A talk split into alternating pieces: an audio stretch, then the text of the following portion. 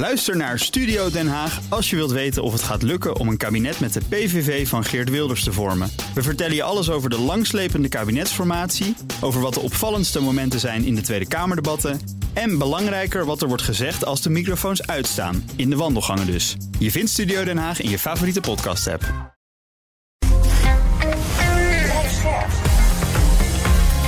BNR Nieuwsradio. BNR breekt. Ivan Verrips. Goedemorgen en welkom. Vanaf half twaalf praat ik over het nieuws van de dag. We moesten al van 130 naar 100 en nu misschien van 80 naar 60 en dan naar 30 en dan naar 0. Ik heb het over de maximumsnelheid op onze wegen. En dat is allemaal om het aantal verkeersdoden te verminderen. Is dat een goed idee? Gaan we zo meteen over praten. En een dag niet gesproken over de Belastingdienst is een dag niet geleefd. Nu wil de Belastingdienst voorkomen dat uh, ja, jij en ik onze persoonlijke dossiers gaan opvragen. Want ze hebben het al zo druk. Oh, je zal maar van je rechten gebruik maken. gaan we allemaal zo meteen bespreken. Met mijn twee panelleden. Vandaag Vreemdelie Stadelmeijer, directeur van She Consult. Goedemorgen, Vreemdelie. Goedemorgen, Iwan. En Mitchell Wiegand-Brus, fractievoorzitter van Studenten voor Leiden. Goedemorgen. Goedemorgen. Goed dat je er bent. We gaan beginnen met... BNR breekt. Breekijzer. Nou, we gaan praten over auto's. Ja, daar gaat hij. De deal leek al beklonken. De pennen lagen klaar voor het ondertekenen van die deal. Het gaat over het Europese akkoord om nieuwe auto's... met een verbrandingsmotor per 2035 te verbieden. Maar nu dreigen Duitsland en Italië het akkoord alsnog te blokkeren... met in hun kielzog waren dwarsliggers Polen en Hongarije. Zo wil Berlijn dat er ruimte blijft voor auto's die rijden op synthetische brandstoffen... vertelt minister van Transport Volker Wissing. We brauchen jede technologische Lösung. Die batterieelektrischen Antriebe, Wasserstoff-Brennstoffzellen, aber eben auch synthetische Kraftstoffe. Diese sind im Übrigen die einzige Möglichkeit, um unsere Bestandsflotte klimaneutral zu stellen. Ja, en dus dreigen zij deze, deal die al vergevorderd was te torpederen. Komen daarmee wellicht de doelen voor een emissievrije wereld in gevaar? En hoe erg is dat? Ons breekijzer vandaag. Het verbod op benzinevrije auto's in 2035 moet er hoe dan ook komen. Ik ben heel benieuwd hoe jij erover denkt. Ben je het eens? Vind je dat het uh, tijd is uh, voor uh, ja, Europees politiek gekonkel om daarmee te stoppen? Of begrijp je de weerstand van deze landen wel? En zijn we nog helemaal niet klaar voor deze transitie en dit verbod? 020 468 4x0 is ons telefoonnummer. Breekijzer dus. Het verbod op benzinevrije auto's in 2035 moet er hoe dan ook komen. 020 468 4x0. Dan spreek ik je zo in de uitzending.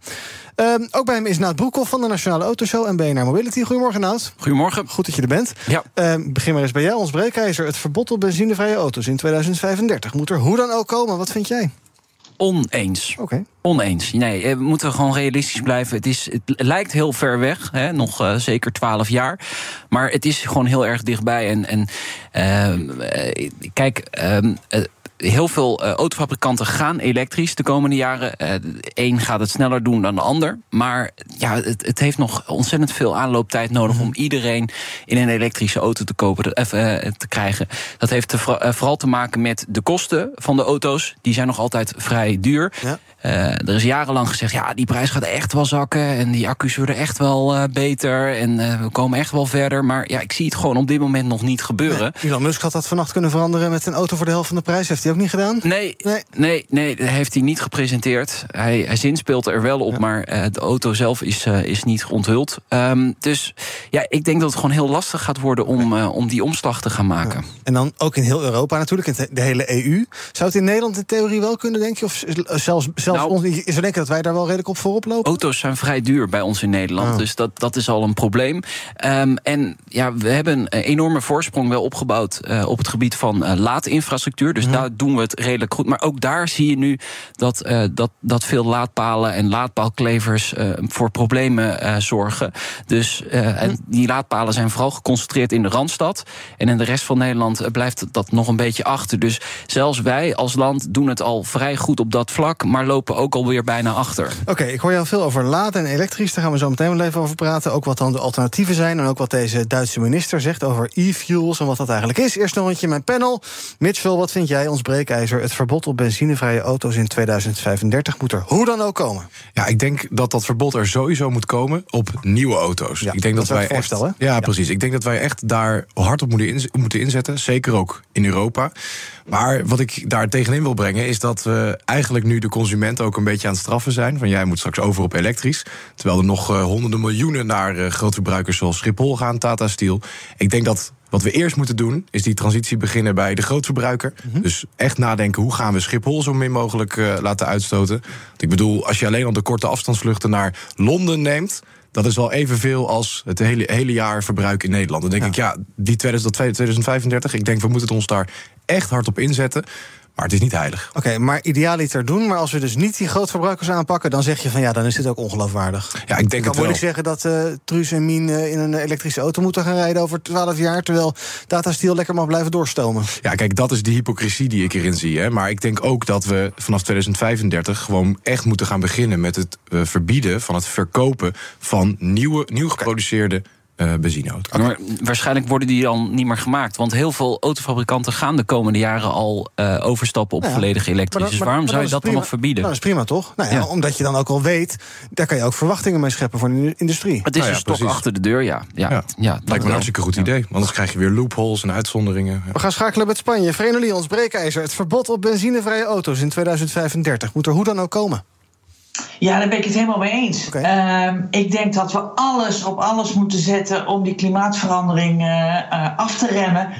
Want het, ja, weet je, het is gewoon dramatisch. Hè? Als je ook gisteravond weer kijkt naar eh, zo'n programma van André Kuipers, dan denk je, jongens, snap nou niemand waar we, waar we, waar we op afstevenen, hoe dramatisch dat is. Als ik kijk hier in Spanje, we hebben hier een stuwmeer op een paar kilometer afstand. Daar zou nu 80, 90 procent water in moeten zitten. Er zit 10 procent in. Dat wordt een drama. Eh, en, en dat is niet alleen in Spanje, maar dat is ook in Nederland. Boeren mogen al niks, omdat, omdat we nu al een tekort hebben in Nederland. Ja. Dus, dus de nood is gewoon echt heel hoog. En natuurlijk staat daar stil onmiddellijk. Shell onmiddellijk aan de slag. Eh, eh, maar wij moeten ook allemaal een steentje bijdragen. En laten we gewoon inderdaad beginnen met die auto's. Hoe sneller, hoe beter. Oké, en, en dus wat jou betreft is... Ik, ik weet dat je, je bent geen auto-expert... maar is naar jouw idee Spanje daar klaar voor? Of kan Spanje daar op tijd klaar voor zijn? Weet je, we waren ook niet klaar voor een coronacrisis. Nee. En ook dat hebben we heel snel, hebben we een vaccin weten te ontwikkelen. Waren er teststraten, werd er ineens van alles en nog wat opgetuigd om dat te kunnen redden. Dit is net zo'n groot drama. Moet het gewoon en er doen? gebeurt gewoon niks. Moet het gewoon doen, Nout? Zegt Ja. Nou, eh, de- Spanje en elektrisch rijden, eh, eh, eh, good luck. Hoeveel laadpalen staan er op dit moment in Spanje? Eh, Nou ja, in het dorp waar ik zit een paar. Maar eh, eh, eh, weet je, als het moet, dan kan het.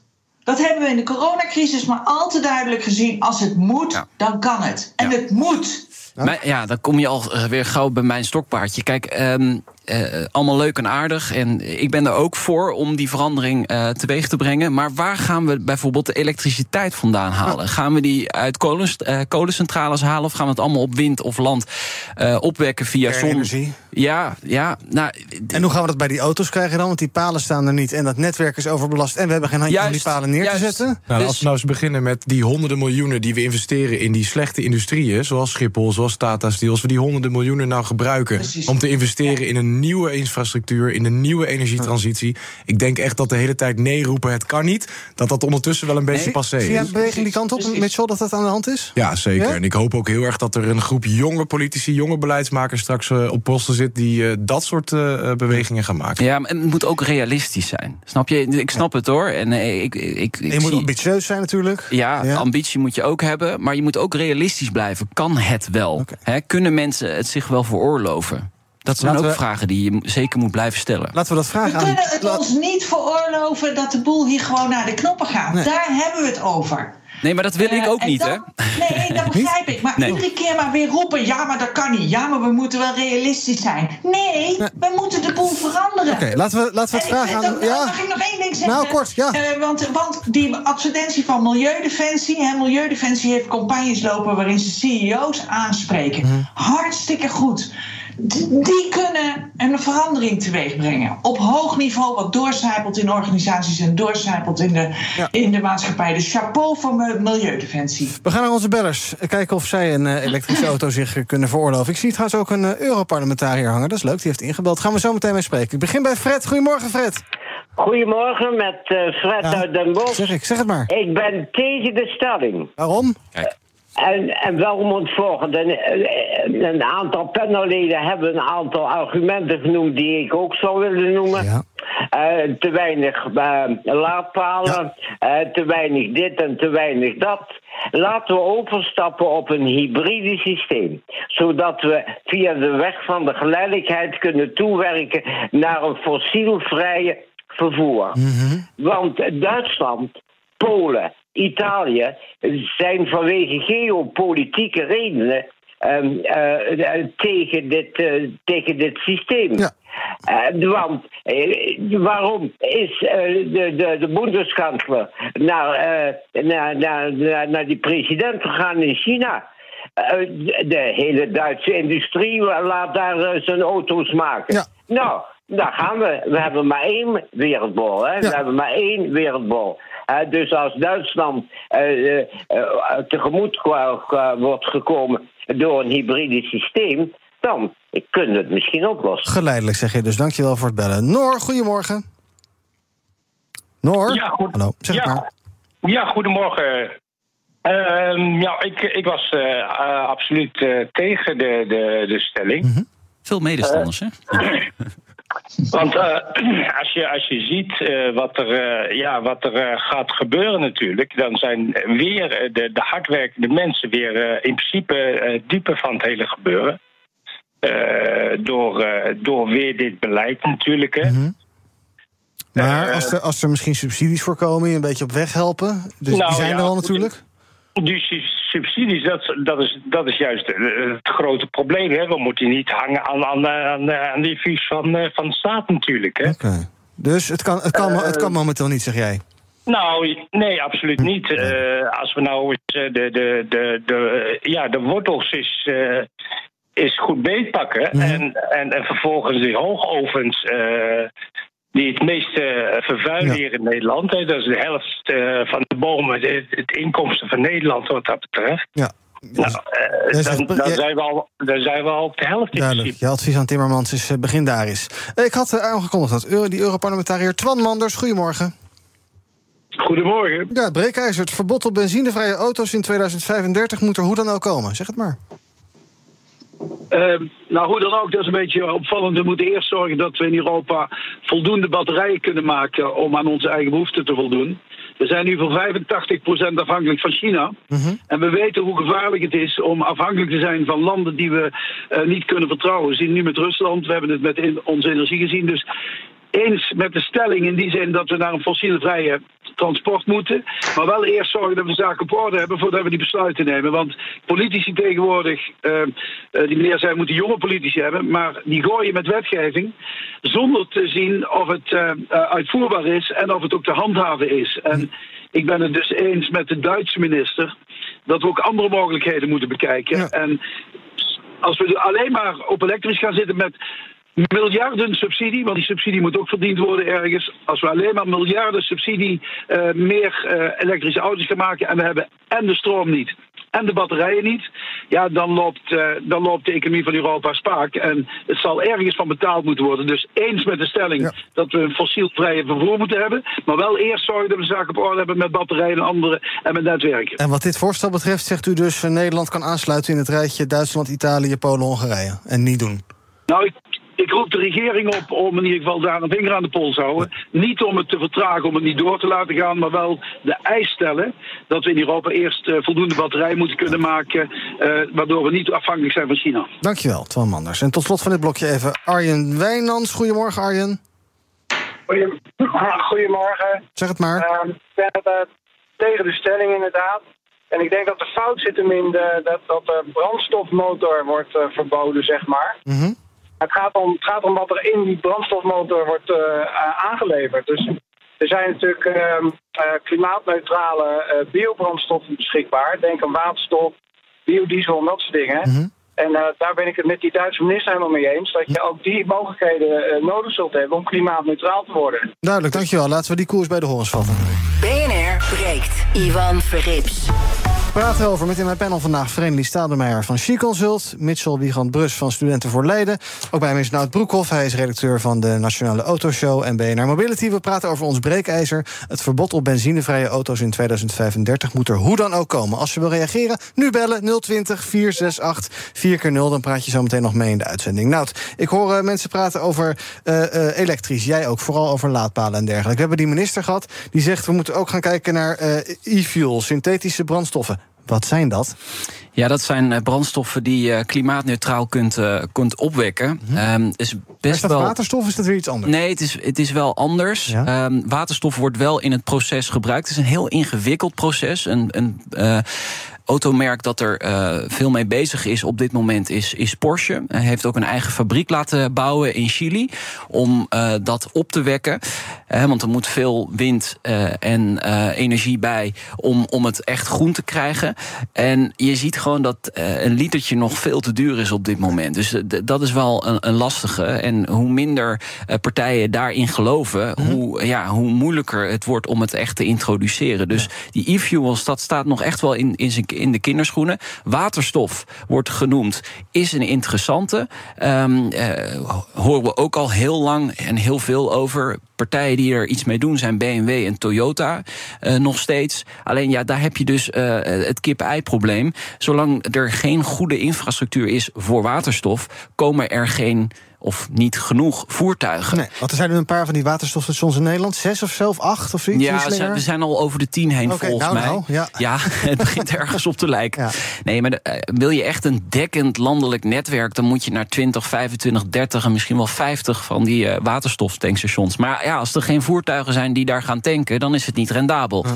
Dus veel meer partijen zouden daarin moeten stappen. Alleen, ja, er is ook best wel een, een, een, uh, een goede lobby gaande in Brussel voor het elektrisch rijden. De EV-lobby, zoals ik dat altijd noem, is vrij sterk in, in Brussel. En uh, die wijzen dan altijd op waterstof is inefficiënt. En uh, als je die hele infrastructuur moet opzetten, dan ben je ook heel veel geld kwijt. Dus ja, de, de, de verschillende krachten die bezig zijn en die ook een beetje tegengesteld werken. Ja, Noor, we hadden, of, uh, het we hadden Noor aan de telefoon die zei: Ja, dat kan de gewone man toch niet betalen. En het is natuurlijk het feit dat elektrische auto's veel duurder zijn. Hoe moet je mensen daarbij gaan helpen dan? Je kan zo moeilijk zeggen, u bekijkt het maar.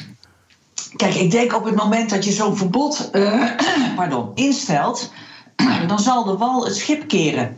Uh, uh, en dat geldt voor de beschikbaarheid van waterstof, van e-fuels en ook van, van laadpalen en ook van goedkopere elektrische of anderszins milieuvriendelijke auto's. Uh, misschien moet je ook kijken naar het openbaar vervoer, dat we dat uh, beter maken. Uh, maar ja, ik, wat mij betreft is het gewoon een no-go om, met, om, om benzineauto's te blijven verkopen in 2035. Hm. Kijk jij er naar Mitchell? Nou, ik sloeg wel een beetje aan op wat de Europarlementariër zei. Hè. Die betichten jonge politici ervan te smijten met wetgeving zonder na te denken of het realistisch is. Maar ja, diezelfde wetgeving die door zijn generatie politici is gemaakt, heeft juist ervoor gezorgd dat we nu in zo'n enorme crisis zitten, een klimaatcrisis.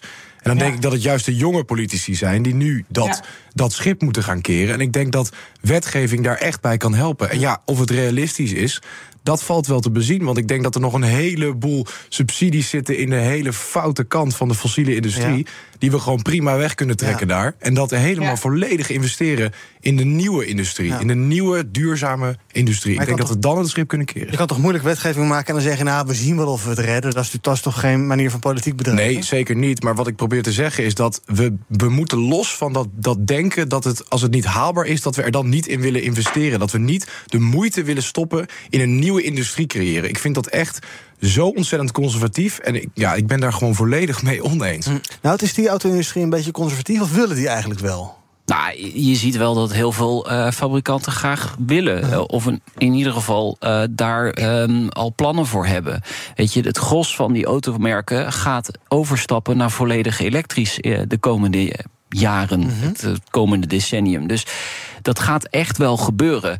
Alleen ja, soms hebben ze inderdaad ook zo'n stok achter de deur nodig. Hè. 2035 niet meer verkopen en dan gewoon alles zero emissie. Precies. Eh, ja, en eh, dat kan, dat kan zeker helpen. Ehm, ik denk dat hier, wat hier vooral speelt, is dat Italië is een producerend land van auto's. Duitsland. natuurlijk ook. Meneer zei net, ja, we laten alle auto's daar bouwen in China. Dat is niet zo. Er worden echt nog heel veel auto's in Duitsland eh, gebouwd. Ook in Polen, waar Opel bijvoorbeeld een grote fabriek heeft.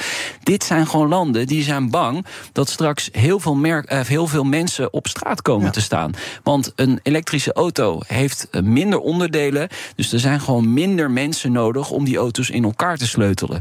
Dus eh, ja, daar is gewoon een angst. Van dadelijk staan er gewoon honderdduizenden mensen eh, op straat. Ja, is het ook wel logisch voor jullie dat Rome en Berlijn daar ook aan denken, aan hun economie en werkgelegenheid?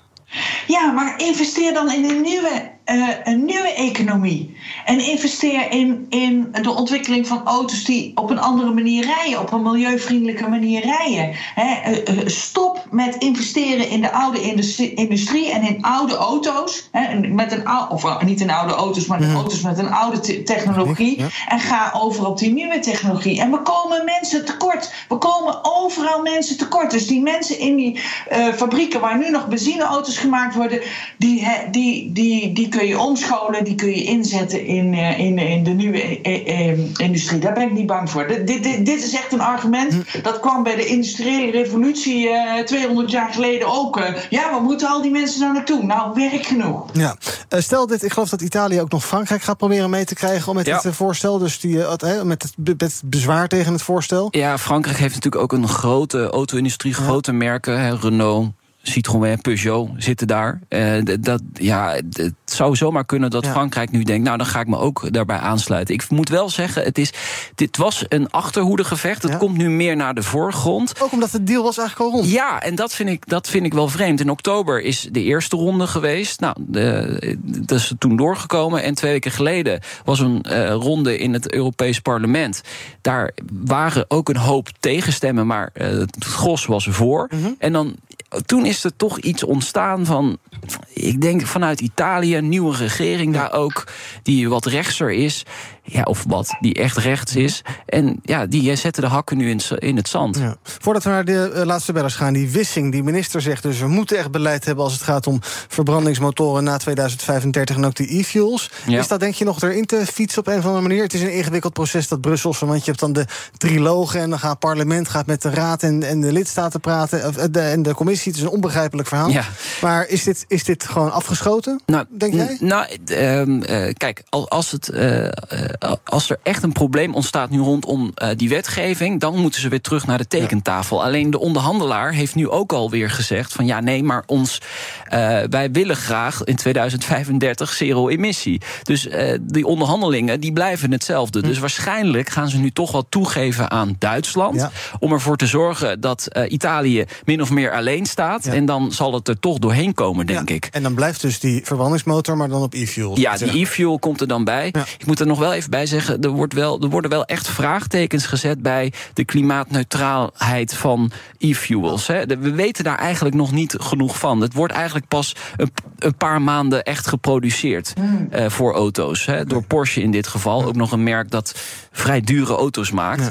En dat natuurlijk niet voor niks doet, want die willen de, de iconische 911 niet elektrisch maken. Die willen graag die 911 eh, op een, eh, een verbrandingsmotor daarin eh, behouden. Mitchell, wat is jouw politieke gevoel? Mijn politieke gevoel zegt dat het waarschijnlijk eh, jarenlang gesteggel gaat worden. maar dat, denk het ik er ook. uiteindelijk toch gaat komen. Ja. Dat verbod. Twee of drie bellers nog. Pieter, goedemorgen. Eh, goedemorgen, u spreekt met Emiel Smeek van Smeek Car Design. Zeg maar. Ehm, ik ben het er niet mee eens. En waarom ben ik het niet mee eens? Eh, ja, natuurlijk, ik ben voor de e-fuel. Een stukje voor het milieu, dat absoluut. Wat wel het geval is, dat je ehm, als bereider moet je naar de merkgarage, naar de merkdealer. Oké. En kan je niet meer naar de parallelgarage toe. Ehm, Waarom niet? daarmee- Nou, je gaat een, dus, ehm, de dealer die krijgt een monopoliepositie gaat die krijgen omdat hun zitten veel beter, veel dichter eh, bij de stof. Ehm, eh, hoe het werkt. En nu zie je soms wel eens met sommige, ja, als er iets wat kortzichtig ehm, gekeken wordt naar een probleem met een auto, een technisch probleem, dan weten sommige dealers het zelf ook niet op te lossen. En dan is er soms wel eens de parallelgarage die verder kijkt dan zijn neus lang is, die het wel kan oplossen. Dus, eh, ook een beetje eh, wij van WC Eend, geloof ik. Maar dank voor het bellen, Pieter. Ik wou net zeggen. Maar goed, WC moeten er ook zijn. Pieter, of, eh, Carlo, goedemorgen. Ja, goedemorgen. Carlo Kijk. Hallo. Ik eh, wil het graag even doorgeven. Ik denk zelf dat het gewoon mission impossible is. Goede vriend van mij, CEO van Scania, die zijn op dit ogenblik eh, vrachtwagens aan het elektrificeren. We rijden eh, naar wat ik heb gehoord 4,5 miljoen combi- combinaties rond in Nederland. Als je daar overgaat tot 10% elektrificeren van de vrachtwagens, doet niemand meer een lampje aan. Dus? Kan niet gewoon. Nee, kan gewoon het is niet Ga-. Ga even na, de- ga even na. De, de binnenstad van Amsterdam. Dat wordt vechten om een laadpaal. Dat kan helemaal niet. Dank voor het bellen. En tot slot eh, van deze uitzending, even kijken. hebben we- Ik heb nog meerdere mensen hangen. Nou ja, eh, Aad. Goedemorgen, Aad. Eh Ad is het. Oh, dat mag ook. Ja, ik ben altijd zo eh, geïntegreerd door eh, dat als een beetje eenzijdig bekijk. Want volgens mij is het zo dat je vooral minder kilometers moet maken. En daarbij vroeg ik me laatst eigenlijk af waarom onze oudere mensen zo gestimuleerd worden om in hun eigen huis te blijven wonen. Zou dat juist stimuleren dat die mensen doorstromen naar andere gelegenheden, bejaardenhuis, wat dan ook. Om gewoon de doorstroom zo te maken dat mensen weer dichter op hun werk kunnen gaan wonen. Ja. Daarnaast zou ik eh benzinestations eh, verbieden om in 3035 eh, dat soort brandstoffen te verkopen. En laat de markt dan maar zijn werk doen. Dat de markt, ja, precies. Op die manier oplossen. Ja, precies. Aad, dankjewel voor het eh, bellen. En ook de bellers die ik niet aan het woord heb kunnen laten. Dank allemaal voor het bellen. Ehm, en ook dank aan Nout Broekhoff van de Nationale Autoshow en BNR Mobility. Ons breekijzer vandaag. Het verbod op benzinevrije auto's in 2035 moet er hoe dan ook komen. Op eh, onze Instagram-pagina kan je nog eh, de hele dag reageren. Dus eventjes naar het tussenstandje kijken. is altijd wel aardig om te zien hoe daar gestemd wordt. Het is altijd wel een beetje anders dan in de radio-uitzending. Het is daar, nou, 70% oneens, 30% eens. Daar kan je nog de hele dag van je laten horen. Zometeen ga ik verder praten met Mitchell en Vrenoli over het nieuws van de dag. Dan blijven we even bij auto's, namelijk valt de snelheid op N-wegen. Eh, Veilig Verkeer Nederland wil dat die omlaag gaat. En politieke debatten op tv, die hebben vooral een indirect effect op ons stemgebracht, eh, stemgedrag, zo blijkt. Ik ben heel benieuwd eh, wat mijn panelleden daarvan denken. Of zelfs zitten te wachten op alle lekkere politieke debatten. Bijvoorbeeld tussen Rutte en de linkse wolk. Hmm, binnenkort bij Pauw. Nou, allemaal zometeen in het tweede deel van BNR Breek. Tot zo. Ook Harm Edens vind je in de BNR-app. Je kunt BNR Duurzaam niet alleen live luisteren in de app, maar ook terugluisteren als podcast, zoals al onze podcasts. En naast dat de BNR-app Breaking News meldt, houden we je ook op de hoogte van het laatste zakelijke nieuws. Download nu de gratis BNR-app en blijf scherp.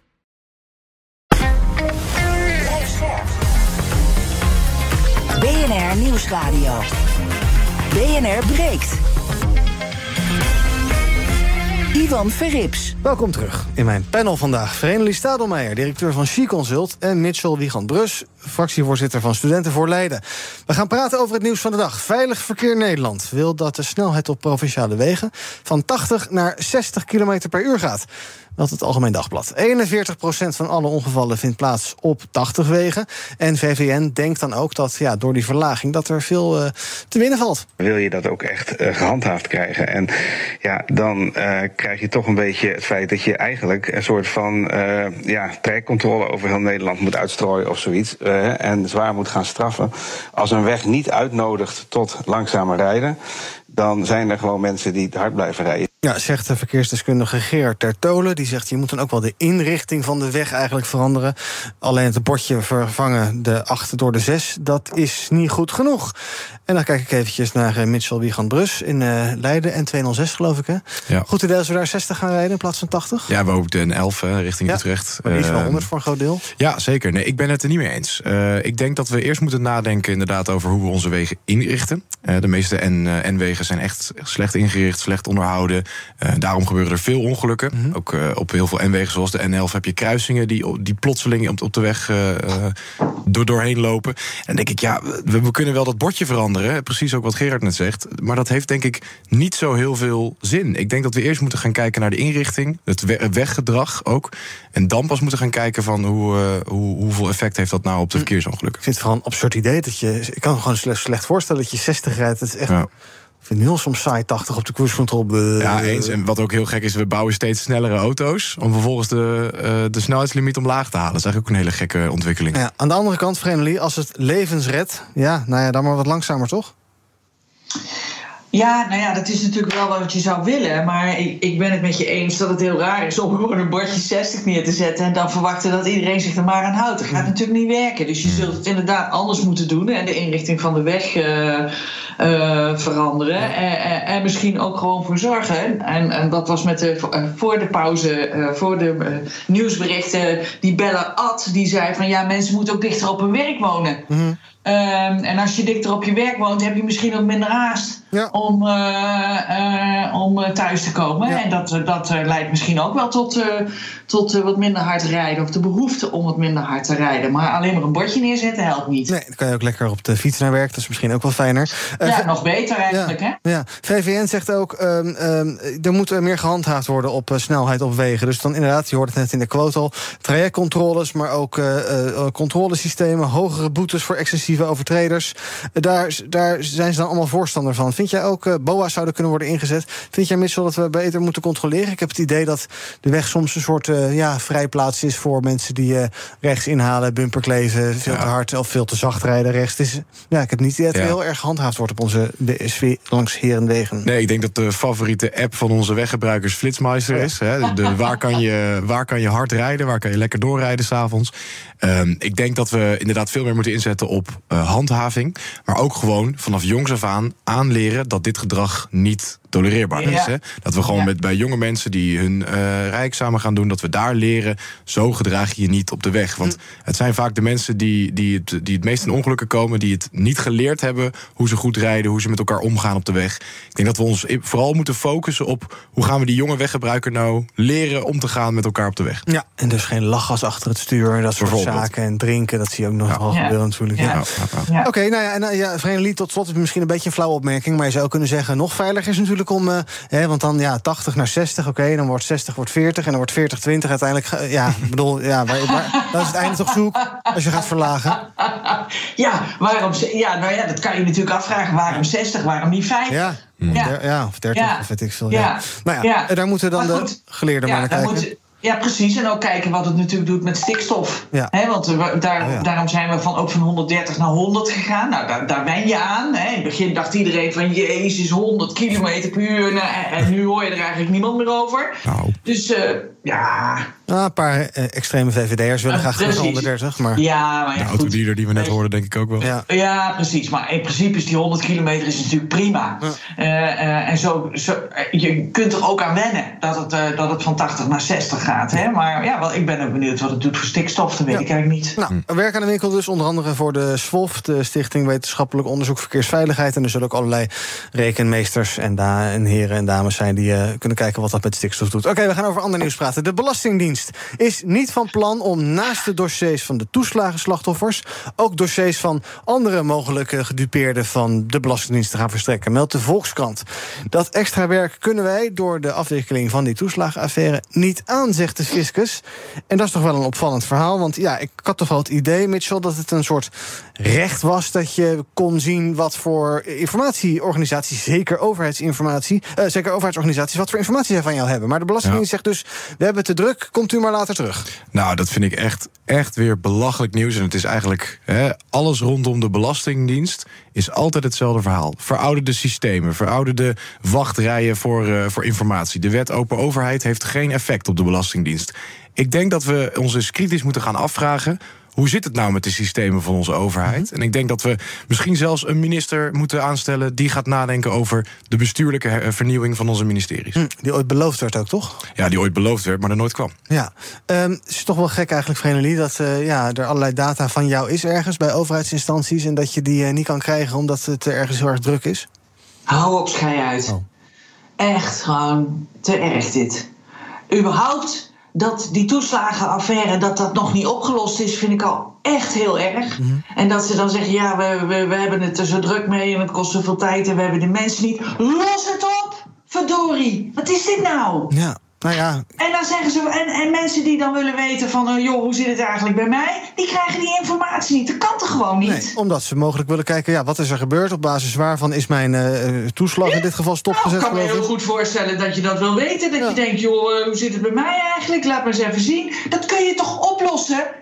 Ik denk dat een hele mooie oplossing die ik een tijdje geleden heb gehoord eh, bij de politiek was volgens mij een plan van D66, als ik me goed herinner. Mhm. Om gewoon alle toeslagen af te schaffen en gewoon één standaard eh, bedrag voor iedereen in Nederland eh, als een soort basisinkomen in te voeren. Basisinkomen. Ehm, dat, dat klinkt natuurlijk een heel, als een hele makkelijke oplossing. Mhm. En dan krijg je natuurlijk vanuit de ministeries weer te horen: ja, is allemaal niet haalbaar, is niet haalbaar. Maar het gaat vooral, denk ik, om de menskracht die we hebben hè, op ministeries. Op wat voor systemen draaien ministeries.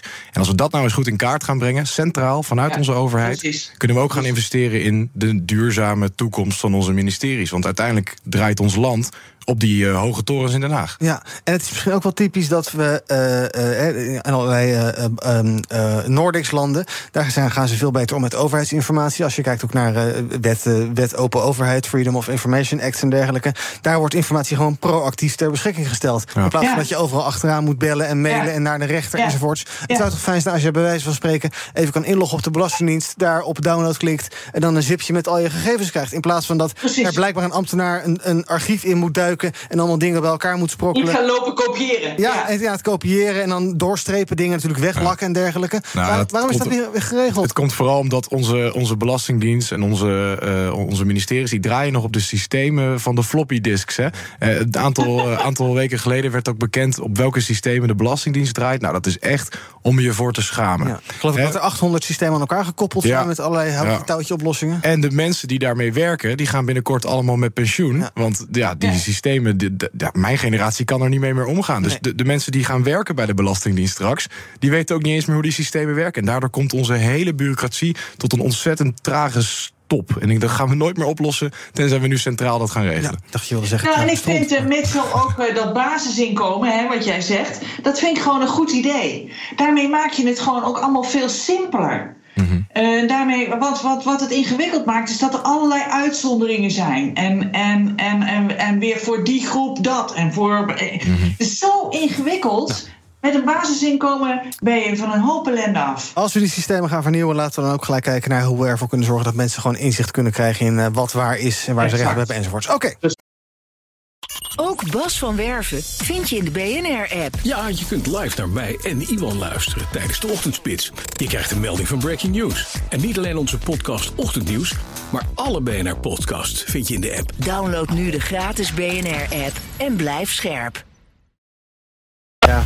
BNR Ik ga natuurlijk proberen om zo'n man te smeren en kijken of je daar een positief verhaal voor terugkrijgt. Maar ik weet niet of dat lukt. Eh, we gaan kijken naar wat jullie zelf is opgevallen in het nieuws. Vrenelie, jij hebt een eh, artikel meegenomen. Vertel, waar, waarover? Ja, nou, dat is eigenlijk wel. eh, wel eh, kijk, we hebben het, de- deze uitzending ook steeds weer over het, het grote tekort aan personeel. Hè. Werkgevers hebben daar echt last van, proberen personeel aan boord te houden. En je wil ze dan ook maximaal kunnen inzetten. En een hoop werkgevers doen dat niet goed. Met name bij vrouwen. Dat is toch de helft van de bevolking. De uitstroom van vrouwen en vrouwen die uitvallen door burn-out is twee keer groter dan bij mannen. Gelukkig snappen we wel steeds beter welke mechanismen er dan spelen op die werkvloer, waardoor dat zo werkt. Of nou ja, ja eigenlijk niet werkt voor vrouwen. Hè? Er wordt doorlopend onderzoek gedaan hoe we met name vrouwen beter kunnen ondersteunen. ehm, en de bedrijfscultuur, hè, een belangrijk onderdeel in het welbevinden en groeien op je werk, kunnen veranderen. En die kennis zetten wij bij Cyclefield natuurlijk in. En ik kwam iets nieuws op, op het spoor en dat is het tol-poppy-syndroom. Het grote, het hoge poppetje-syndroom. Nou, er is een studie gedaan onder 4000 vrouwen in 103 landen. En dat bleek dat wanneer vrouwen succesvol zijn, ze op hun werk daar last van hebben. Omdat hun succes meteen gemarginaliseerd wordt. Kleiner gemaakt wordt, ontkend, verzwegen enzovoort. enzovoort hè. En bovendien, de vrouw zelf wordt ook genegeerd, gepest en gekleineerd. Hè. Hup, terug in je hok. Dat is eigenlijk de reactie op succes van vrouwen. Ja. Nou, en je snapt dat dat natuurlijk ontzettend demotiverend werkt. Hè? En ontzettend veel stress oplevert, lagere beloning ook. En 90% van die respondenten gaf aan daar last van te hebben. 90%, hè? dat is echt gigantisch. Het, want dat, dat moedigt vrouwen ook niet aan om extra hun best te doen of om hun succes zichtbaar te maken. Nou, wat kan je nou als werkgever doen aan dat uh, tol-poppy-syndroom? Verhoog het bewustzijn. Hè? Laat vrouwen zien dat het niet hun schuld is, maar dat het onbewuste mechanismen zijn. En praat erover. Spreek mensen aan op dit gedrag. Uh, zorg voor gelijke beloning. Hè? Zorg voor transparantie in gelijke beloning. En investeer in trainingen voor vrouwen, Frans zult natuurlijk. Uh, support ze, zodat ze zelf ook het tol-poppy-syndroom kunnen benoemen. Hè, en zorg voor een veilige werkomgeving waar ook vrouwen hun successen kunnen en mogen vieren. Ja, Nou, En zijn mannen dan de grote boosdoeners of zijn, het ook vrouwen onderling die elkaar af? ja, het zijn ook vrouwen onderling. Daar zit verschil tussen. Het zijn met name mannelijke, mannelijke leidinggevenden die dat bij de vrouwen die aan hun rapporteren doen. Eh, en vrouwen doen het met name bij vrouwen die op hetzelfde niveau zitten. Als zij. Ja, waarom is dat dan toch? Ja, dat is dan toch een klassieke... Ja, ja, dat is van, eh, van, van oudsher zit in Ja, onze exact. cultuur. Dat wat vrouwen doen is minder waard. Hè? Eh, we, we- je hebt ook zoiets als het. ehm, ehm, nou, ik ben de naam even kwijt. Imposter er nog- Nee, dat, ja, ook. Nee, nee, nee, maar je hebt ook de, ja, de wet van Sulero. Hè? Zodra er meer vrouwen toetreden tot een bepaalde beroepsgroep, daalt het inkomen in die beroepsgroep en daalt ook de status van die beroepsgroep. Eh, dus werk van vrouwen wordt gewoon als minder gewaardeerd. Dus eh, zodra een vrouw heel veel succes heeft, gaan we toch zeggen: ja, maar ja, het was ook eigenlijk wel heel makkelijk. Of eh, ze had toch wel alles mee. Of eh, nou ja, hè, zo bijzonder is het nou ook weer niet. Weet je wel, dat. En het begint dus bij in ieder geval het probleem herkennen... en het ook kunnen benoemen en het kunnen zien... en dan kan je er iets aan gaan doen. Ja, precies. En, en, en ook vrouwen bewust maken dat dat dus gebeurt. En dat dat niet aan hun ligt, dat dat hun schuld niet is, maar dat dat het systeem is, ook de cultuur is. Dus er is ook niet zo van dat het nou boze vrouwen zijn of boze mannen die dat doen, hè, of een complot of zo. Nee, dat is gewoon zoals het werkt en dat moet anders. Zo zijn we geprogrammeerd en dan moet je iets aan doen. Oké, Mitchell, jij hebt een artikel uit NRC meegenomen. gaat over eh, jongeren die uitgaan. Jonge jongeren, ergens tussen de 18 en de 21... die geweerd worden uit clubs omdat ze niet genoeg uit zijn gegaan of zo. Dan moet je... Ja, het NRC die, eh, die bericht inderdaad eh, dat jongeren die eigenlijk in de coronatijd 18 zijn geworden, die geen ervaring hebben met het uitgaansleven en hun gedrag heel erg eh, anders is dan de jongeren die daarvoor uitgingen. Clubs herkennen dat. Jongeren zijn agressiever, zijn sneller opgefokt, worden, gaan brutaal om met de mensen aan de deur. En daardoor hebben clubs nu besloten in heel Nederland, een aantal clubs hebben ze geïnterviewd, om de leeftijd te verhogen naar 21 jaar voor toegang. Nou, en ik denk dat dit een heel, heel mooi signaal is waar, eh, waar wij mee eh, in gesprek kunnen gaan met die jongeren. Van wat speelt er nou bij jullie? Eh, Jullie hebben in de, in de coronatijd eigenlijk niks kunnen doen. Je zat in sociaal isolement. Nou, het NJI, het eh, Nationaal Jeugdinstituut, heeft hier ook onderzoek naar gedaan. Die heeft gezegd, als je met jongeren praat, kan je naar ze luisteren. Wat er met hun speelt, wat zijn de problemen. Maar nu wordt er eigenlijk vanuit de clubs meteen gehandeld. En niet naar de jongeren geluisterd. Die, eh, wat speelt er nou bij jullie? Waarom zijn jullie, gedragen jullie je zo? Ehm, en wordt er meteen de deuren in het eh, gezicht gegooid. En ik denk dat het een heel typisch iets is wat in heel Nederland gebeurt rondom jongeren. Op het moment dat jongeren ergens mee zitten, dan wordt de deur dichtgegooid, wordt er niet naar je geluisterd, wordt er meteen beleid over jou gemaakt. Ehm, nou, en ik denk dat, dat dit een heel, heel typisch, eh, eh, typisch probleem is eh, voor, vanuit de corona. corona Maar, maar Mitchell, wat denk jij dan dat er bij de jongeren speelt? Nou, kijk, als Waarom je, doen ze dit? op het moment dat je in sociaal isolement hebt gezeten. Kijk, ik ben zelf 23. Ik heb zelf ook die coronatijd als e- ernstig eh, vervelend ervaren. Ehm, je hebt het niet het contact wat heel vormend is voor jongeren. Als je 16 bent en je zat midden in die coronatijd, je wordt met 18, je komt eruit. Dan heb je niet de contacten gehad, over het algemeen niet, eh, die je normaal wel zou hebben tussen je 16e en de 18e. Ehm, de jongeren halen dat nu in door uit te gaan. Maar omdat ze nu 18 zijn, ze alles mogen doen, in principe. Ze mogen alcohol drinken, ze mogen, ze mogen auto rijden. Gaan ze dus nu die periode tussen 16 en 18 herhalen tussen de 18 en de 21. En dat is denk ik iets waar clubs nu op handelen. Zeggen we gaan de deuren dichtgooien. Maar juist het, het punt is dat we met die jongeren moeten praten. Hoe kunnen we jullie helpen? Hoe kunnen we jullie beter, eh, beter naar jullie luisteren? Hoe kunnen we beter jullie meenemen in die ontwikkeling? Snappen dat ze een deel ontwikkeling gemist hebben? Ja, want het- dat, dat begrip is er nu gewoon nog niet. En het wordt wel onderzocht. En we zien die effecten van corona, die nasleep, die is veel groter dan we aanvankelijk hadden gedacht. Ik denk dat het heel goed is als we nu juist die jongeren aan die tafel gaan zetten. Van oké, hoe kunnen we jullie helpen? Ja, en clubs die moeten dus ook gewoon lekker 18-jarigen toelaten. Ook al zijn het een beetje rare figuren die niet helemaal weten wat ze moeten doen. En een beetje. Ja. Nou, ik denk dat, eh, dat het natuurlijk een terecht signaal is vanuit de clubs. Maar ik denk niet dat het, eh, dat het antwoord is om de deur dicht te gooien. We gaan kijken wat er trending is op de socials. Hashtag Birding Daylight. Ja, doe naar eh gelieve het geluid wat harder of zachter. Daar komt hij, de nieuwe Songfestival inzending. I'm sorry, just human. I'm losing myself on chasing high. Burning Daylight dus. Je dat, Mitchell? Ja, het is een beetje Duncan Lawrence weer, hè? Ja, maar dan anders. Friendly? Ik heb er gisteren met verbazing naar zitten kijken bij uh, Khalid en Sophie. Al die heisa over het Songfestival en zo'n stom nummer. Echt, ik... Oh. eh, nou ik ja, heb de eerste halve finale en de finale mijn agenda staan, maar dat terzijde. Eh hashtag Ja, Oerholland, nou, echt waar. Hashtag Oerholland, ik geloof- geloof eh, 13 mei of zo. Oerhollander is trending. De eerste mensen die 10.000 jaar geleden in ons mooiste moeras ter wereld rondliepen... hadden namelijk geen blond haar en een lichte huid, zoals we dachten... maar ze waren zwart en hadden blauwe ogen, blijkt uit onderzoek van een DNA-expert Evelien Altena. En Iran is trending. Vandaag heeft de Iraanse overheid bekendgemaakt... dat het de vergiftiging van vrouwelijke demonstranten op scholen gaat onderzoeken... voor wat dat soort toezeggingen ook waard zijn dan. Hé, wat leuk. Rick Nieman is aangeschoven.